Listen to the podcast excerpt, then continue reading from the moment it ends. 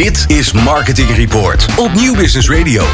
Ja, en onze laatste gast van vandaag, Dorcas Koenen, CMO van de Rabobank Groep. Welkom bij ons in de studio. Dankjewel, Peter. Zeg ik het niet goed? Je zegt het goed. Oh nee, ik dacht even dat je, dat je me zo aankeek van... Goh, dat had een andere titel moeten zijn. Maar dit klopt wel, gelukkig. Dit klopt, absoluut. Heel erg fijn dat je er bent.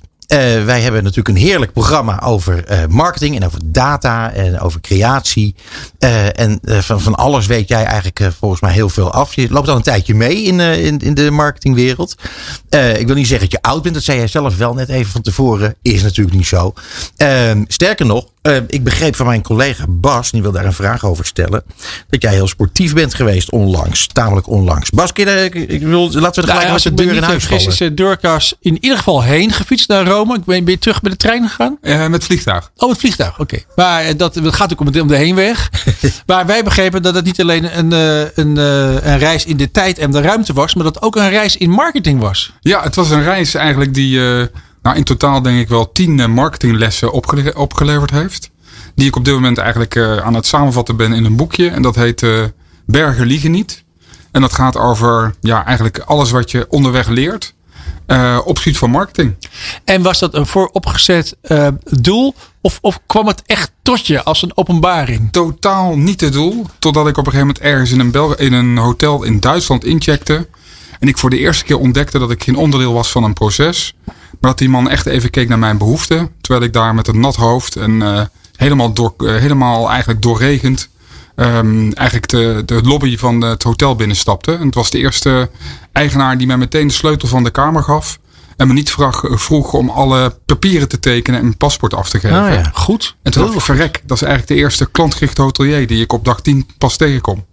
En dat triggerde mij om een heel verhaal te schrijven over de marketingles onderweg. Top. Grappig. Ja, Duitse Grundigkeit zou ik bijna willen zeggen. Maar dat, uh, dat, dat, was eigenlijk toeval. Dat was toeval. Ja. ja. hey, maar uh, Bergen liegen niet. Dat vind ik wel een interessante titel. Want uh, meestal denk je bij bergen dat die enorm tegen zit. Omdat je er eerst heel erg tegenaan moet klimmen. Ja. Maar hoezo liegen ze niet? Ze liegen niet omdat ze je confronteren met, um, met alle dingen die je normaal gesproken bijvoorbeeld ook in marketing meeneemt en die niet relevant zijn. En die je eigenlijk beter gewoon uit je tassen kan laten en gewoon niet mee kan nemen. He, dat je eigenlijk met veel minder veel verder kan komen dan door alles vol te laden, waardoor je inderdaad veel minder makkelijk omhoog komt. Ook een les trouwens. Ja. Um, maar dan is het toch eigenlijk meer zo dat je dan dat datgene wat je tegenkomt onderweg, dat dat niet tegen je ligt. In feite ben je het zelf, die berg. Of je, niet? Je bent zelf de berg. Ja. En je start met liegen tegen jezelf. ja, totdat je omhoog moet fietsen. En dan word je ineens heel eerlijk. Ja, ja, ja, ja. ja. Wat grappig. Hey, en uh, uh, ik hoop dat je straks nog wat meer over de, uh, over de inhoud van het een en ander kunt vertellen. Zeker. Ehm, maar even in het algemeen. bergen liegen niet. Je hebt ervaringen opgedaan. Heb jij die, die ervaringen direct kunnen gebruiken in je dagelijkse praktijk? Jazeker. Ik denk, jazeker. Ja, absoluut. Ja. hoe, hoe, hoe, hoe ligt eens toe? Nou, een van de dingen die ik uh, absoluut in de dagelijkse praktijk heb kunnen gebruiken is uh, als je met de fiets op weg gaat naar Rome, heb je vier tassen bij je. En alles wat je mee kan nemen zit in vier tassen. Mm -hmm. Wil je iets anders meenemen, moet er iets anders uit. Hè? Dus met andere woorden, in managementtermen heet dat scope creep. Dingen alsmaar toevoegen. Uh, terwijl je op weg bent bijvoorbeeld om een programma af te ronden, een marketingproject af te ronden. Dat kan dus niet meer. Daar ben ik veel scherper op geworden. Dit is waarmee we van start, van start gaan. Als er iets onderweg bij komt, dan moet er iets anders uit. Mm -hmm. Dus eigenlijk ook continu het maken van trade-offs. Dingen wel uh, doen of niet doen. Maar niet ongemerkt alsmaar die tassen alsmaar volle laden. Want dan ga je uiteindelijk nooit, nooit bij de eindstreep van dat uh, project komen. En hebben jou, uh, want jij werkt met een honderdtal mensen. Ongeveer. Ja. Uh, hebben die uh, veel gemerkt van, uh, van jouw trip achteraf? Die heb ik uiteindelijk helemaal meegenomen in de trip. Dus ik heb eigenlijk al mijn lessen, het zijn er in totaal tien. Ja. Inclusief foto's, situationele voorbeelden, helemaal doorgenomen. Dus dat hebben we voor de hele afdeling heb ik dat, heb ik dat gedaan. Vonden ze geweldig leuk. Misschien wel een van de hoogtepunten van het afgelopen jaar geweest met z'n allen. Oh ja? Ja. Want wanneer heb je deze tocht gemaakt? Ik ben uh, vertrokken op 29 juni van dit jaar. En Oh. ik, ik ging eigenlijk weg omdat ik dacht van nou, dan is het een beetje mooi weer. Uh, maar ik heb de eerste tien dagen in de gefietst. die uh, later door Valkenburg kwam. Oh en, ja, jeetje. Dus dat was diezelfde periode. Um, dus het was in die zin ook wel een beetje een echte transformationele reis. Waarbij ik de eerste 8, 9, 10 dagen dacht, waarom doe ik dit? Totdat ik eigenlijk over de Alpen kwam. En toen heb ik er ja, nog bijna drie weken over gedaan. Een supermooie uh, reis dwars door, uh, dwars door Italië. Ja, je, bent, je hebt heel veel geleerd. Je hebt dingen gezien waardoor je nou, andere inzichten kreeg. Zeker. Zoals mensen altijd zeggen, je komt jezelf tegen. Is dat bij jou ook gebeurd? Even behalve de lessen die je hebt geleerd, die je kon omzetten naar, eigenlijk naar je, naar je business, hè, naar je vak. Ja. Maar heb je persoonlijke dingen geleerd? Eh, je vroeg eerst, ben ik mezelf tegengekomen? Ja. Ja. ik ben me tegengekomen op het hoogstgelegen treinstation van Bayern in Kleis. Daar heb ik huilend op een bankje gezeten, omdat het intussen 3 graden vroor op eh, 4 of 5 juli van dit jaar. En ik door de sneeuw fietste de afgelopen, eh, de, nou, ik geloof 6 kilometer daarvoor. Dus daar heb ik eh, veel geleerd om eh, toch door te zetten. En, eh, en eh, ondanks dat alles tegen zit, toch uiteindelijk toch eh, eh, het einddoel proberen te halen van die dag. Ja. En een van de dingen die je ook echt leert als je zo'n reis maakt, is niet meteen alleen aan het doel denken wat je uiteindelijk wil bereiken, maar dat altijd van tevoren hele kleine stukjes knippen, die wel haalbaar zijn en agile veranderen als de weersomstandigheden of alle andere omstandigheden zo extreem zijn dat je plan moet aanpassen. Dus ik ben toen drie kilometer later in een hotelbed eh, gekropen. Ja, verstandig. Ja, dat was heel goed. Ja, nee, maar ik moet je eerlijk zeggen dat eh, toen eh, mijn collega Bas van, hij heeft een eh, fietstocht gemaakt. Toen zei ik, nou, dat vind ik echt super oninteressant, daar gaan we het niet over hebben. maar toen, ja, omdat ik, eh, als ik altijd vind dat mensen zelf moeten weten wat ze voor leuke dingen doen Ja, in de vrije tijd. ja. Maar nu dit verhaal eraan vast zit, vind ik het toch wel echt heel erg leuk. Ehm, dus ik wil straks nog wel iets meer daarover weten. Ik wil nu graag even terug naar eh, eh, wat er eh, allemaal gebeurt bij Rabobank. Jullie zijn een enorme organisatie. Ja, eh, wij hebben een pandemie, waarvan we al even tegen elkaar zeiden, dat is geen crisis, maar het is een pandemie. ja. Levert heel veel mogelijkheden op, et cetera. Maar wat je in elk geval ziet, is dat er enorm veel thuis gewerkt is. En jij werkt zelf ook al geruime tijd thuis, tussen het fietsen door. Sorry. Maar goed, je werkt thuis. Hoe heeft, het, hoe heeft dat bij jullie gewerkt? Bij sommige partijen eh, levert het heel veel op. Bij de vorige, eh, vorige gesprekken bleek ook dat dat, eh, dat dat heel goed heeft gewerkt bij Hurst. Hoe zit het bij jullie? Nou, wij waren denk ik als Rabobank al aardig gedigitaliseerd. Hè? Omdat wij natuurlijk ook heel veel jonge mensen aan ons willen binden. In het kader van alle IT die we natuurlijk tegenwoordig moeten ontwikkelen voor onze interactie met de klant. Dus wij waren denk ik al een stap op weg naar een digitalisering van werk en van werkomgeving. En corona heeft dat in die zin hè, eh, eigenlijk nog een keer versneld. Waardoor we in principe binnen Rabobank hebben afgesproken dat we digital first werken. En dat we elkaar bewust en gepland opzoeken voor of contact. Of om echt inhoudelijk aan dingen te werken. Waardoor het, waarvoor het belangrijk is om bij elkaar te zitten. En dat was een beetje de situatie voor de laatste lockdown. Eh, en wat we zien eigenlijk intern is dat functionele meetings eigenlijk een stuk sneller en efficiënter worden. Waardoor er tijd is om eh, nog meer tijd is om beter samen te werken op inhoud. Dat geldt niet overal, want er zijn natuurlijk eh, onderdelen van de bank waarvoor je wel gewoon fysiek er moet zijn. Zoals bijvoorbeeld bij trading of, of dat soort activiteiten. Maar kijk je naar marketing met een relatief jonge populatie, dan is de, de, de graad van digitalisering al zo hoog. Dat eigenlijk de adoptiecurve, om maar even in marketingtermen te praten, daarvan eigenlijk onder die groep heel erg goed geweest is.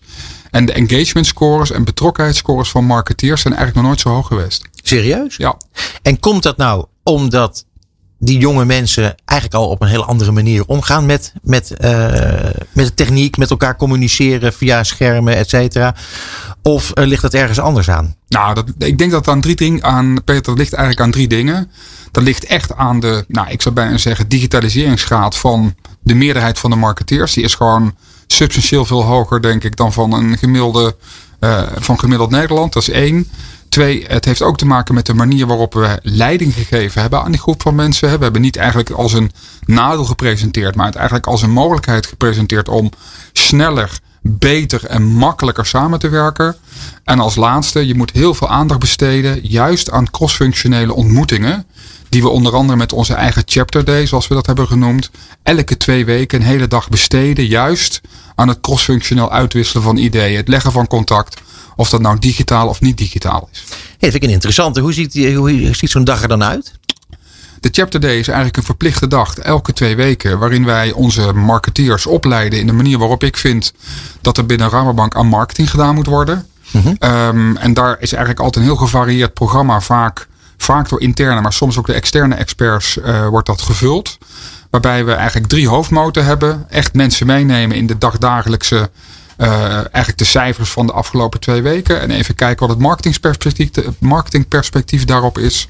Tweede onderdeel is altijd samenwerking tussen de verschillende clusters van de afdeling zelf. Dat noemen wij een segment alignment. En het derde onderdeel zijn altijd één of twee inhoudelijke topics. Waarbij we op een onderdeel van ons werkveld echt even verdiepen. En dat ook bijvoorbeeld met een stukje gamification proberen of te om te kijken of dat, eh, of dat landt bij, eh, bij onze marketeers. Jeetje. Nou ja, ik denk dat het heel slim is. Eh, eh, buiten het feit dat dat niet zo heel slimme opmerking van mij is. Want je hebt net al aangegeven dat het heel goed werkt. Nou, maar goed, hoe dan ook. eh, en dan wil ik toch wel graag weer even terug naar, naar de bergen die niet liegen. Ja, nee, want namelijk op dit soort dagen. Die, dan moet je mensen meenemen in een verhaal. Ja. Eh, je moet ze motiveren. eh, ze moeten elkaar motiveren. Dat is onder andere een taak van jou natuurlijk. ja, zeker. Ja. Ehm, en wat neem jij dan in, in dat soort dagen neem je dan mee uit eh, jouw ervaringen die je hebt opgeschreven in Bergen liggen? Nou, ik denk dat een van de allerbelangrijkste dingen is, ehm, is authenticiteit. En zorg dat je op een goede manier kan verbinden met, met mensen waar- die voor je werken of die met je werken. Ik denk dat dat beter is. En eh, dat ze heel goed begrijpen dat we er zijn om ze ook te ontwikkelen. Dus ik vind het belangrijk dat mensen businessresultaten halen. Eh, zorgen dat we het goed doen voor onze klanten en voor de bank. Maar ik vind het ook belangrijk dat de mensen zich ontwikkelen. Dat alle professionals in marketing elk jaar kunnen, naar, kunnen terugkijken op een element eh, waarin ze zichzelf hebben ontwikkeld. Ehm, en ze kennen mijn passie daarvoor ook. En dat is ook een van de redenen waarom ik zelf naar Rome ben gefietst. Omdat ik dacht van nou kan ik dat alleen. Hè? De ondertitel van Bergen liegen niet is niet voor niks een gek op de fiets naar Rome. Ehm, want dat is natuurlijk eigenlijk wat, wat, wat veel mensen van je vinden als je zegt dat je dat, eh, als je dat gaat doen. Maar de passie voor de ontwikkeling van marketeers, ehm, ja, dat staat centraal in hoe wij marketing als functie aansturen binnen de bank. Bas. Ja, ik heb wel echt, echt iets heel anders vragen, als het mag. Ja. En namelijk over de positionering van de bank. Kijk, het, eh, een bank is natuurlijk een heel suf eh, product natuurlijk, in principe. Vind ik, hè? Vind jij natuurlijk niet, vind ik wel. En ik zit bij een niet nader te noemen andere, andere bank zit Jammer, ik. jammer. En, ik en, en mijn vader, die zat wel altijd die zat bij de Ja. Boerenleenbank zat Ja, hij nog vroeger. Ja, schitterend. Vond ik heel mooi. En, eh, maar ik heb helemaal nog nooit in mijn leven overwogen om bijvoorbeeld naar de Rabobank te gaan. Jullie hebben mij als consument nog nooit bereikt. Overigens ook niet naar een, een andere bank. Ja. En eh, ja, dat is toch een beetje wat marketeers doen, toch? Je moet toch ervoor zorgen dat mensen voor jullie kiezen. Ja. En, wa- en, en waarom zou ik dan- arme sloebers, die hoeven ze niet. ja, waarom zou ik, eh, waar- waarom zou ik, eh, of zou iemand moeten kiezen voor jullie? Of, of, of, of op welke knopjes probeer je dan te drukken? Wij zijn een maatschappelijke bank, hè, dus we vinden inclusiviteit belangrijk. Dus of iemand arm is of rijk, dat maakt eigenlijk niet zoveel uit. Hè. Dus dat eh, is heel belangrijk, inclusieve bank. Waarom mensen voor Rabobank zouden moeten gaan kiezen, en dat zijn we eigenlijk de afgelopen drie jaar wel echt aan het, ehm, daar echt beeld en geluid aan aan het geven, is dat wij de enige bank zijn die niet alleen goed is voor zijn klanten, maar ook eens goed is voor de maatschappij om die klanten heen. En dat we daar bewust ook op inzetten. Hè. Dus met andere woorden, als je klant bent bij de Rabobank, ehm, krijg je niet alleen een goed product, maar je, krijgt, je bent ook klant bij een organisatie die binnen de context waarin we opereren probeert om iedere keer weer op een goede manier iets terug te doen voor de samenleving om die klant heen. En daarin zijn wij de, unieke, enige bank in Nederland die dat doet. Ja, En daarom zou hij klant bij ons moeten worden. oké. Dan kan je bijvoorbeeld, even een goed idee, dan kan je bijvoorbeeld meestemmen over de allocatie van het coöperatief dividend wat wij als bank hebben. Eh, dan kan je bepalen of het eh, gaat naar eh, club A of club B. Zoals we bijvoorbeeld onlangs hebben gedaan bij de club, actie, club support actie. En on, binnenkort krijg je een actie waarin wij mensen vragen, onze leden vragen om mee te stemmen voor de allocatie van zonnepanelen op maatschappelijke gebouwen. En nou, dat, dat zijn acties die zie je niet van andere banken. Die zijn uniek voor een bank. En die passen bij de coöperatieve Rabobank. Ik denk dat je sales ook heel goed zou doen, uh, Doorkas. Ja, dat denk ik Ehm, eerlijk gezegd ook. Ik heb nog een vraag. Ja, Nee, ja, ja. ja. We zijn door de tijd heen. Want vraagje, het is kan makkelijk. hetzelfde. Nou, één ja. dan nog. Ja, goed. Ja. Oh, ik ben van huis uit een geograaf. En Ja. de, de, de- je, je concurrenten, die zitten allemaal in Amsterdam, hè, op de Zuidas. Maar jullie zijn eh, Utrecht, Eindhoven. Eh, maakt dat wat uit? Ik zou zeggen eh, nee. Oh, is een be- lekker- kijk. antwoord. Ik, weet, ik, ik, zei, ik kan er geen. eh, Ik, ik vind het leuk om. eh, Nou, maar je, eh, je, toe te je, je lichten, maar heritage nee. is, is, is, is, is, is meer eh, eh, eh, eh, landelijk dan, sted, dan stedelijk, van oudsher. Ik dacht, mis- misschien maakt dat iets uit. Nee. Oké, Nou, dat dan is heb ik mooi. geen verder vragen meer. Nou goed, eh, dan eh, wilde ik zeggen dat. eh, nee, vragen. Ten slotte, wanneer kunnen wij Bergen Liegen niet bestellen, kopen, waar? En kwartaal 2 van dit jaar. Oké, dat is Over- best wel lang. Ja, net het jaar. Ja, ik bedoel, dat, daar zitten drie maanden zitten daarin. Halverwege het jaar, dan kunnen we het in elk geval Ja. ergens kopen. Ja. In de boekhandel. Dat denk ik ja. Of op managementboek.nl. Oké, wij gaan het, eh, wij gaan dat eh, zeker doen. We kunnen bijna niet wachten.